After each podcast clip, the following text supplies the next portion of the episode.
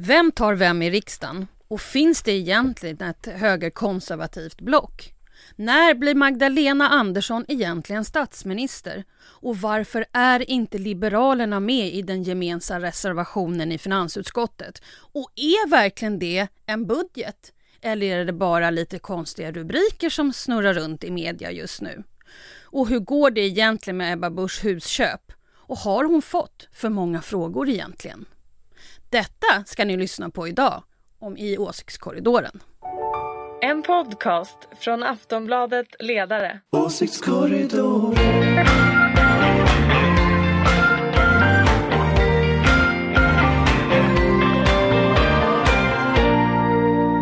Hej och välkomna till Åsiktskorridoren, en podd från Aftonbladets ledarredaktion och ditt vindskydd i den politiska snålblåsten.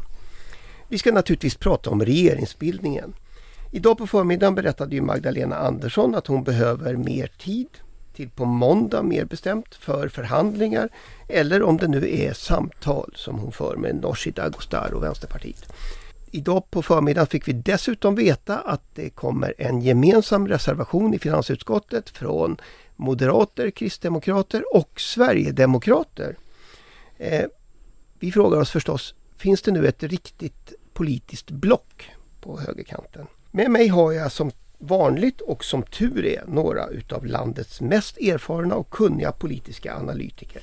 Som alltid Ulrika Schenström, chef för den liberala och gröna tankesmedjan Fores. Och Ulrika är oberoende moderat. Ja, här är jag.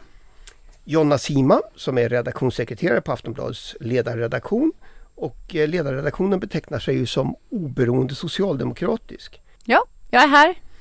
Och så Anders Lindberg som är chef för den här ledarredaktionen, alltså Aftonbladets och politisk chefredaktör på tidningen. Absolut. Själv heter jag Ingvar Persson och arbetar också på Aftonbladets ledarredaktion.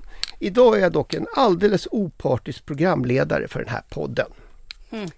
Min fråga blir förstås, eh, hur, hur kan det komma sig att svensk politik nu för tiden egentligen hela tiden handlar om vem som pratar med vem och vad de här samtalen ska kallas?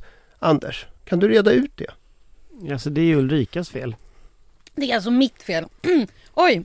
Ja, men det är de nya moderaterna. Ja men det är de nya moderaternas fel. Därför att innan dess så var Socialdemokraterna solen som allting cirklade runt. Och sen förstörde vi Och det. ni förstörde det, det tycker jag var oförskämt av er. Men, nej, men det var ju så att, att innan dess så var det ju en, en idé om ändå hoppande majoriteter och att man kunde ha mycket blocköverskridande politik och så. Och i och med alliansens bildande så bildar ju högern någon form av idé ändå om att man kan ha en majoritet där man samarbetar och som ändå fungerar en hel mandatperiod. Eh, man sitter också kvar i två mandatperioder och sen dess så är ju frågan om vem som gör vad med vem, den är central i politiken. Så, att- så att jag skulle säga att ja, det, det är faktiskt lite Ulrikas fel. Kanske någon mer då än Kanske Ulrika. Sverigedemokraterna som kom in 2010 och ställde till det. Ja, Fast detta var faktiskt innan 2010. Eh, så, så, så, jag, det, det är ju en jätteintressant världsbild av någon som är van vid att stå i solens mitt så att säga och allting cirklar omkring. Varmt och gott. Men eh, jag tror nog att eh, 65 och 74 år så var solen Socialdemokraterna och allting cirklade runt på grund av att borgerligheten hatade varandra.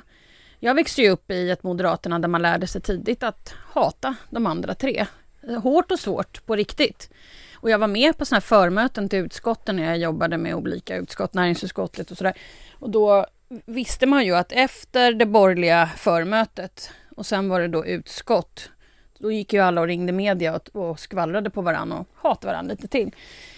Så att det var väl jättebra att vi ändå fick ihop borgerligheten. Nu är man ju tillbaka i alla fall att hata någon, några liksom lite grann. Så det där är ju en sorg. Det finns ju också ett vänster... Men hela Hat. grejen var ju egentligen eh, att vi faktiskt kom med ett budgetförslag och inte en gemensam reservation i finansutskottet. För sådana har jag haft väldigt många presskonferenser om. Men sen kom vi på idén att göra en riktig budget. Eh, så det är ju det är väl kanske det Ingvar, förlåt att vi kanske ska prata om det också. För det kom ju alldeles nyss, men, men så. Så att eh, jag tror inte att det är mitt fel och inte några andras fel heller, men jag tror att det som gör att vi pratar väldigt mycket spel och vem som tar vem är på grund av att det inte under den senaste mandatperioderna har varit så mycket fokus på riktiga reformförslag. Eh, vi har haft en regering som har lagt en budget, men vi har heller inte haft några borgerliga partier som har kommit med riktiga reformagendor.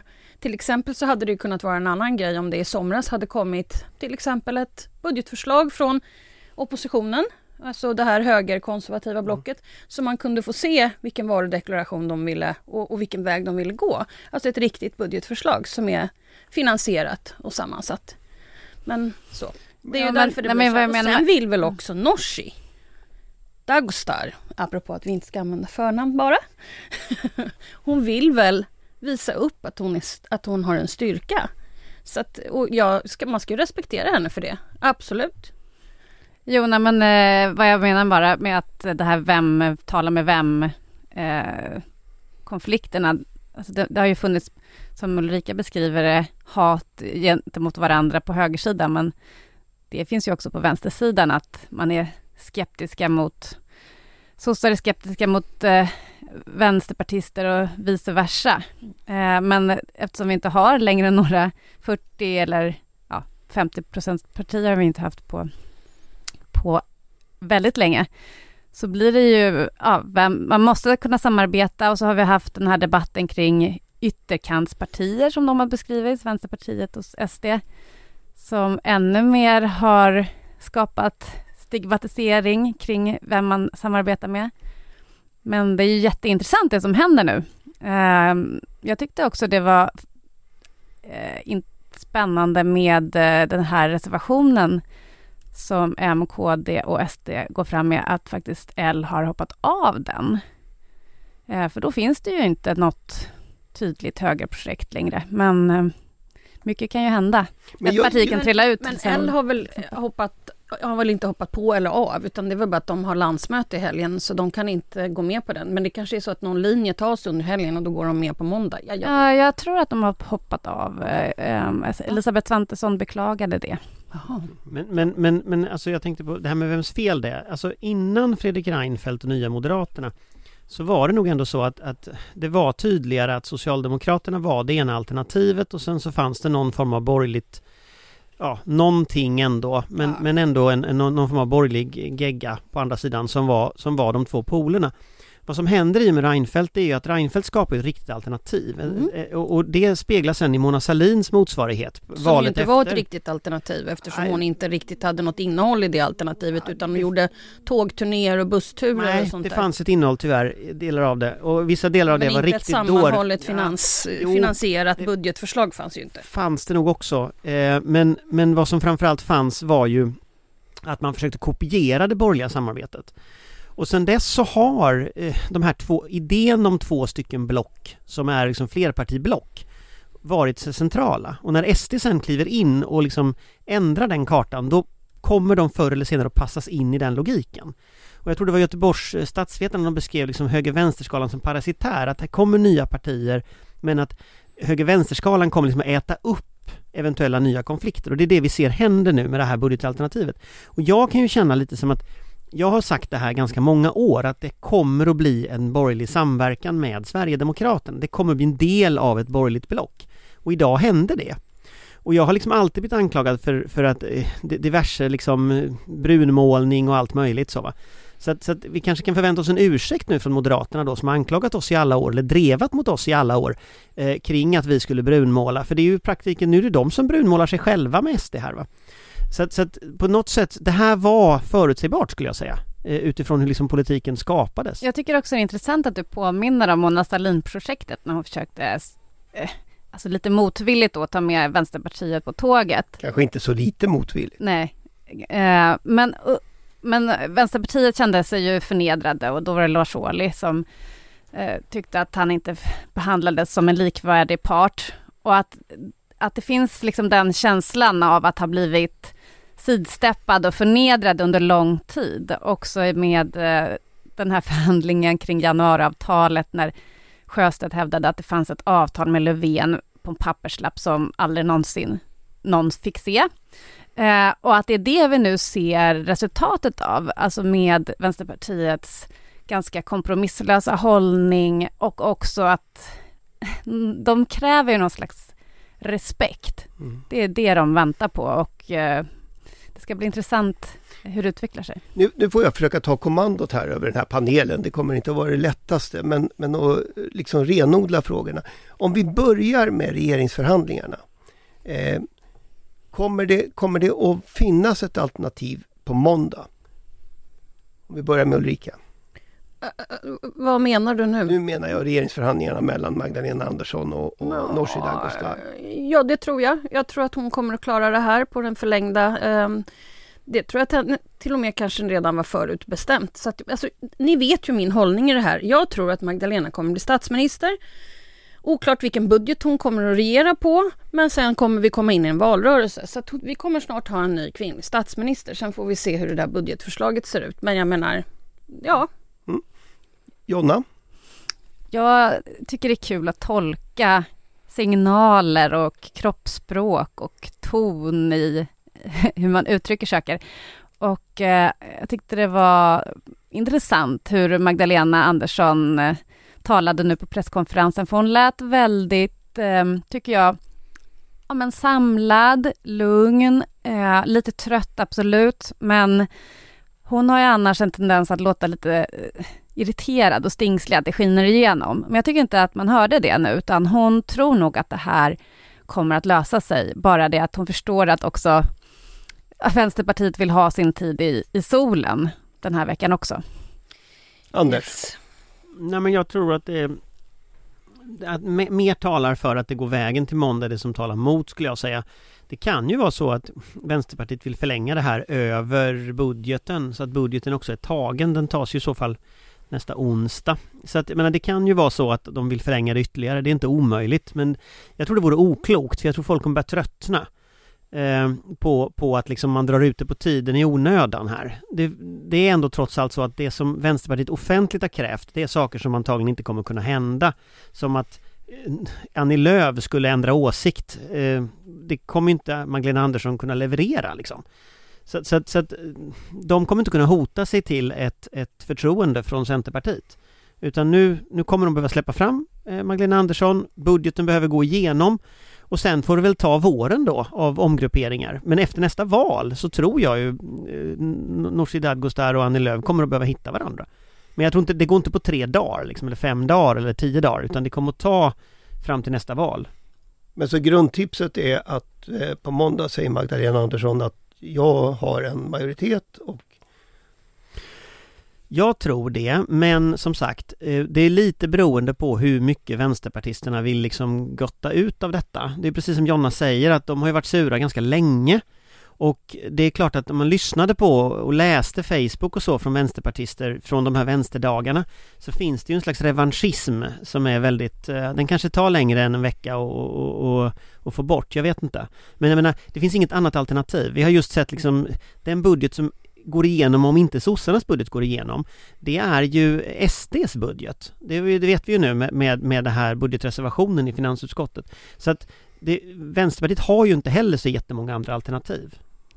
Och jag vill bara för lyssnarnas eh, eh, skull bara säga att det är alltså en reservation i finansutskottet, inte en budget. Och för lyssnarnas skull kanske man ska tillägga att det inte bara är sossarnas budget. Det finns ett miljöparti också. Förlåt. Regeringens budget. Okej, regeringens budget då. det här, det här blir en, en eh, riktig utbildning för Mm, lyssnarna. mm. Jo, Men- men, det har varit så många konstiga rubriceringar idag. Det är därför jag vill Men bara... Centern är ju också med på ett hörn så, så de kommer ju säkert att säga ja de också. Men det vet vi ju faktiskt inte. Så när man säger att det är eh, regeringens budget, då är det verkligen en, en sanning med modifikation. För att det är ju en budget som är förhandlad genom lång tid tillbaka på basis av januariavtalet. Så även om man säger att januariavtalet inte gäller så är det trots allt liksom det som är ryggsäcken som den här regeringen har.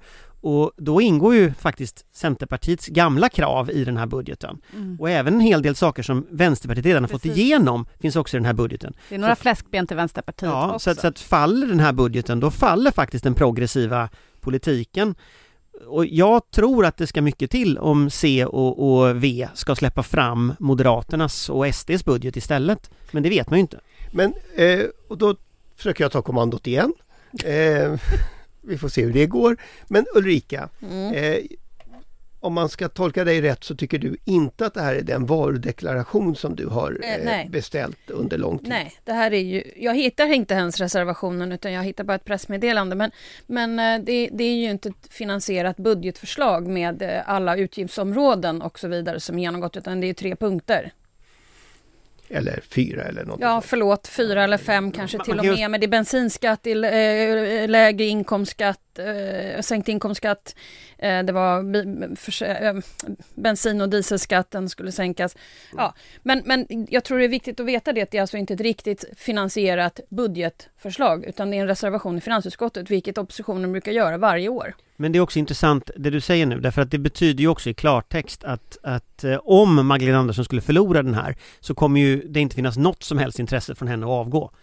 Eh, det var ju en fråga uppe, om budgeten föll så skulle eh, Stefan Löfven avgick, sa han ju. Mm. Eh, det har ju inte hon sagt, men då ska man också vara medveten om att även om det här går igenom så kommer ju inte det finnas ett uns intresse från sossarna att avgå. Jo, det Eh, inte. Eftersom det det här här- inte innehåller det så här är ju mycket. bara väldigt mycket liksom någon slags media eh, hysteri och så. Jag har Det är tyvärr också tiden. ett jobbskatteavdrag. Men jag kan bara säga att det kommer att bli Magdalena Andersson som blir och sen får vi se vilken budget och sen så kommer vi gå in i en valrörelse och eh, då kan vi sluta hålla på och ha hysteriska alarmgrejer i telefonen hela tiden om att allt håller på att gå åt helvete. Men, men eh, är det inte ändå, även om du säger att det här gör oppositionen eh, alltid, Ja, det gör så man gör, ju. gör man ju inte det tillsammans med Nej, nej, Sverigedemokraterna. så att alltid. absolut, det är ett steg i, i den här eh, kon- högerkonservativa riktningen. Absolut så. Men man ska inte tro att en reservation inte görs varje år. Eh, och oftast var det ju de, då de, de traditionella eh, borgerliga partierna som gjorde det tillsammans. Så att absolut. Och också intressant att L inte är med. Men vi får se hur det där går. Jonna, alltså, uppfattar du det här som att det är ett nytt block? Ja men alltså, jag tycker att det är stor skillnad. Det, vadå, det handlar ändå om 20 miljarder de stuvar om. ehm, på ett väldigt tydligt, eh, ja, en höger invandringsåtstramningspolitik, eh, eh, alltså skattesänkningar och hårdare tag mot invandrare. Eh, och jag såg att Oskar Sjöstedt från Sverigedemokraterna, han kvittrade glatt att det här var bara ett preludium för ett ja, samarbete som han tror mycket på. Så att absolut att det här är början, men de har ju inte tillräckligt mycket stort, ja, många röster helt enkelt än så länge, särskilt som Liberalerna verkar vackla. Och det är ju väldigt spännande vad som har hänt där, om det är de här eh, mer socialliberala eh, rösterna inom partiet som har stämt i bäcken eller Eh, ja, för eh, annars har ju uppslutningen kring Nyamko Sabunis vägval varit ganska stort. Så att ja, man undrar ju vad som har hänt. Alltså, alltså, en, en, en sak tycker jag som är intressant spaning om man tittar på innehållet i budgeten, det som jag har inte heller läst den då, för när detta skrivs det- Reservationen om reservationen eh, så har det bara kommit ut i, i, eh, i liksom styckevis och delt via medierna. Men det är ju väldigt högerkantring om man tittar på signalvärdet. Alltså det är två dagar sedan Glasgow förklarades vara ett fiasko för att man inte har fått tillräcklig effekt på klimatpolitiken. Och en av de viktigaste punkterna här är alltså sänkt bensinskatt. Och, och jag menar, det är klart att det som signal när man pratar klimatpolitik och sånt är ju oerhört tydlig. Att skulle det här gänget bilda regering eh, så är det klart att ja, då kommer de att slakta och göra dem som Trump ungefär, att då slaktar de klimatpolitiken. Och, och det, så, att- så att det, det är ju signalvärdet är ju viktigt i de här förslagen. Men sen rent budgetmässigt så är det inte så mycket pengar. Så är det ju. Nej. Men signalvärdet är jättestort. Ja, de har ju sagt det här förut så att det är ju bara en återupprepning. Får, får jag avsluta den här bara med en, en fråga om, alltså i helgen har ju som sagt Liberalerna eh, stort möte. Eh, om en vecka till så har Sverigedemokraterna landsdagar. Eh, kommer vi att få se Ulf Kristersson på scen i Karlstad? Och Ebba Busch.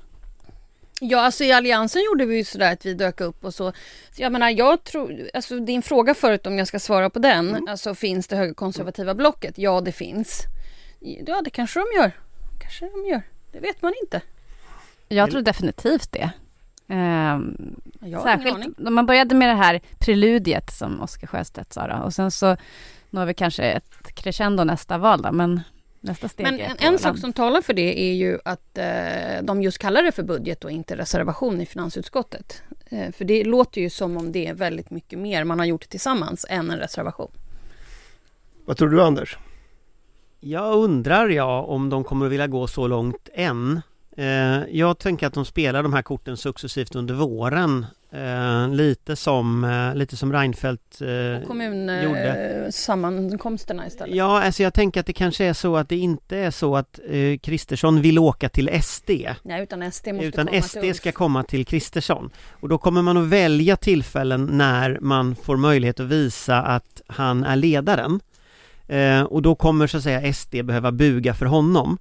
Eh, vad som kommer att bli resultatet om Kristersson och Bush åker till Karlstad, Mm. eh, det är att de går dit och bugar sig för, för den nya liksom makten. Och det tror jag inte, den bilden vill de inte ha. Nej, det vill de inte Eh, alls ha. så att det, så att det, Men min, det min, kan finnas annat de gör. Det behöver inte vara att åka dit. Det kan ju hända något annat formmässigt. Ja, jag blev övertygad nu av er. De, det behöver liksom inte vara partiledare utan de gör ju en del små formsaker hela tiden. Så det, det kan Ja, ju vara jag så. kan tänka mig till exempel en sån sak som, som skulle kunna hända här, det är att man får se någonting i stil med ballonger. Alltså ballonger och kringlor. Till exempel att man gör en gemensam annons. Att man levererar, börjar leverera gemensamma artiklar med politik. Och du vet vad jag tycker om sånt. Ja, ja Mm. men, men alltså, jag tror att man, man kommer att ta det här styckevis och delt. Va? Därför att vad man vill ha är, att- för samma vecka kommer ju antagligen den här regeringen att tillträda. Då kommer man att få en ny regering, den vill man ju skjuta i sank. Och hur skjuter man den i sank? Jo, man pratar gängkriminalitet, för det är liksom, där har Löfven inte lyckats jättebra. Så då kommer man så att säga att börja bygga där för att mala ner en ny regering. Och det tror jag man gör gemensamt. Jag tror den här reservationen är liksom första tecknet på det. Sen undrar jag om det här betyder att Liberalerna kanske byter sida igen eller att det börjar liksom komma krafter i Liberalerna som säger nej men nu har det här gått för långt, vi måste ha röda linjer. Alltså det finns en massa roligt som kan hända eh, på den Men kanten den här också. hoppjerka-stilen kommer kanske inte belöna sig. Man kan väl inte säga att det har belönat sig så mycket. Någonting de har gjort på rätt länge. Alltså just Liberalerna. Men hoppjerka-stilen är ju jag vill också... bara ha det tillägget för jag bara tappade bort det. Men alltså okej. hoppjerka-stilen är ju tyvärr på ett sätt Liberalernas själ. Att vara liberal är att vara kluven. Och tittar vi på de riksdagskandidater som håller på att bli invalda för Liberalerna nu, då dyker det ju upp människor som inte är för Sabonilinjen. Så att kommer Sabonilinjen att överleva valet? Kommer Liberalerna byta sida igen? Kommer de ha sju röda linjer i valet som de vill berätta om inför väljarna? Alltså, Kommer Saboni överleva valet? Så. det är intressant liksom, tycker jag. Mm. Det finns ju ytterligare, ytterligare en fråga som eh, dröjer sig kvar här men som kommer att få dröja sig kvar till kommande åsiktskorridorer.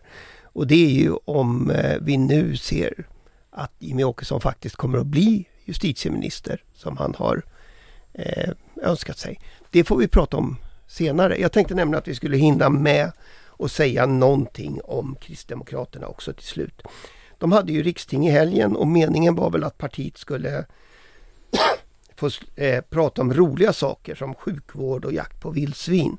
Eh, men nu gick det ju som det brukade och när Ebba Busch intervjuades i P1 Morgon lät det så här. Och jag tycker faktiskt att det är ganska orimligt hur mycket utrymme det här, det här har fått. Det måste vara upp till mig att avgöra. Och det som måste vara upp till Ebba att avgöra är förstås eh, hennes husaffärer. Eh, min fråga blir, har Ebba Busch rätt? Har frågan om hennes husaffärer eh, fått alldeles för mycket uppmärksamhet? Jonna? Eh, nej, men den har ju allting eh, och särskilt som den här, man nämner ju alltid hon, hans ålder, Esbjörns ålder, 81, han kanske är 82 numera, eh, att han gick ut precis innan eh, KD skulle samlas till partidagar och sa att han kände sig lurad igen. Det är klart att det måste, det är en följetong som medierna måste bevaka. Eh, och särskilt som hon faktiskt är dömd till villkorlig dom. Vad tycker du Ulrika? Alltså jag tycker att det är svårt, men ing, det, det är någonting. Hon klarar det här trots att hon har blivit dömd. Det är ju, jag, jag tycker det är helt unheard of. Det är ju nästan ingen annan, inte ens folk som blir dömda klarar sig. Alltså, Som blir det- frikända menar ja, nej men alltså... Ja. Ja, nej jag tycker det är svårt. Eh, På ett sätt så tycker jag inte att det är orimligt, på ett sätt tycker jag att det är orimligt. För att egentligen borde vi inte... Men det är klart att har man gjort någonting som är strider mot lagen, då brukar man ju bli hyfsat ifrågasatt ifall man är partiledare. Alltså hon har ju skrivit på ett strafföreläggande om grovt förtal så den frågan är ju utredd liksom. Eh, det, det, det skulle jag säga. Eh, och, och, det innebär väl att hon har på ett sätt lyckats sätta en punkt. Eh, samtidigt blir det ett problem för ett parti som säger att man är partiet för lag och ordning. Därför att det är klart att varje gång som frågan om lag och ordning, och man ska inte komma ihåg att, man ska inte glömma det att KD tidigare ville ju ha skärpta straff just på internet för, för förtal och den typen av brott. Jag vet inte om de har ändrat det nu, det är möjligt att de har det, det vet jag inte. Men, men, men, men tittar man liksom på, på, det är ett knepigt att ha en sån situation när man är partiet för lag och ordning. Sen är det så, och det, det tror jag man ska ha med sig att det är klart att det inte finns några proportioner i en sån här fråga. Eh, det är en David och Goliat situation liksom med, med, den stackars Esbjörn som inte har eh, några resurser egentligen att komma med och, och, hon som har hela partimaskineriet liksom och alla nättroll och allting på sin sida. Och det är klart att det är helt oproportionerligt egentligen om man tänker på själva sakfrågan. Men det är nog så att vara partiledare. Att, att man bestämmer inte själv. Och det roliga med det här klippet och, och P1 är att hon vill bestämma själv vilka frågor hon ska få. Vad hon säger är att public service får inte ifrågasätta henne. Hon bestämmer vad public service ska ställa för frågor. Och den inställningen är ju helt... Men du, jag, jag hörde att eh, Filip och Fredrik, ni vet, mm. humorduon som har en frågesports, eh, ett frågesportsprogram på kanal 5, de hade en slutfest här om veckan där de hyrde en buss och så körde de alla de här kändisdeltagarna för att titta just på Esbjörns hus.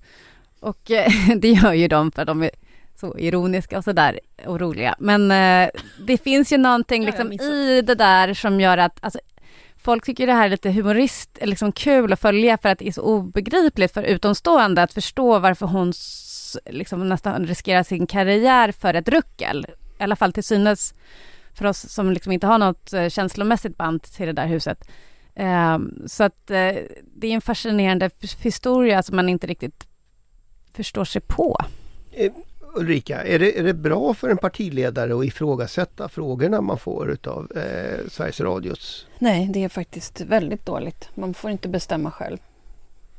Du skulle inte ha rekommenderat? Jag skulle inte rekommenderat Fredrik att eh, vi skulle ha ringt upp till mm, Ekot eller så och sagt att nu ska vi ha andra frågor som ska ställas här. Då, vet du att det hade, det hade aldrig gått. Då hade det blivit total kaos och kris. Där var det väl tvärtom att Fredrik och ville ju verkligen inte flytta från Täby till Sagerska. Han ville på hans hus. Han ville bo kvar i sitt trevliga hus. Men han var också en sån som gärna svarade på precis alla frågor och var väldigt tillgänglig. Så att, um, mm.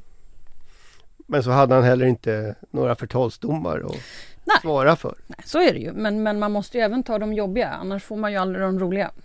Men visst, man får ändå ge Ebba att hon har klarat sig undan det här Eller ganska hur? bra. Och, det är det som är min lilla... Ja, nej, men det är ju lite Donald Trump äh, som sa att han kan komma undan med vad som helst. För han har ändå folkets förtroende. Det är någonting i, i det som gör att ja, hon, hon skrev under det här strafföreläggandet men samtidigt så sa hon ju att hon var oskyldig.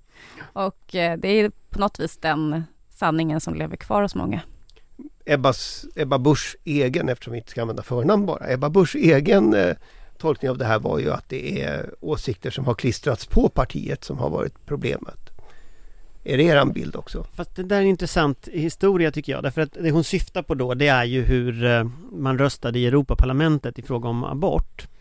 Och eh, det var ju ett antal omröstningar som Dagens Nyheter redovisade. Så det var ju inga åsikter som klistrades på utan det var ju omröstningar man redovisade. Och, och, det där tror jag är en ganska, det på tal om Donald Trump, det där är en ganska intressant del i en slags högerpopulistisk världsbild. Att, att fakta som inte passar in i våran mall, det är alternativa fakta, de är inte fakta. Och här sitter man ju som å ena sidan KD som skriker att de inte tycker så här, och å andra sidan ett röstprotokoll. Och då säger KD, ja men läs inte röstprotokollet, lyssna på vad vi säger. Och den, det är en väldigt, väldigt intressant världsbild, att man kan ha kvar den världsbilden. Ehm, men man har den ju, och det är ju en del i någon slags postsanning-del. Eh, och här ligger ju KDs sätt att relatera till sanning och verklighet väldigt nära SDs. För där, där kommunicerar man ju på samma sätt liksom. SD trollar ju bort sin historia genom att säga liksom att men det är bara enstaka undantag, trots att det är en regel. Uh, här gör man samma sak, det är, det är något undantag, någon som säger något konstigt om abort från KD. Alltså, så länge som jag har följt politik så har någon sagt något konstigt om abort från KD. Vet ni, eh, nu har våran halvtimme redan gått eh, och vi ska ju ut och fortsätta och följa eh, allting som händer ute i världen eh, den här dagen. Eh, vi kommer tillbaka i nästa vecka, eh, eventuellt inte på tisdag eftermiddag. Eh, men vi får försöka lösa det. Eh, för som sagt, i de här tiderna så behövs Åsiktskorridoren. Jag vill tacka Ulrika, Jonna och Anders och jag vill förstås tacka er som lyssnar därför att det är för er vi gör Åsiktskorridoren. Tack så mycket! Hej hej! Hej hej! En podcast från Aftonbladet Ledare. Åsiktskorridoren.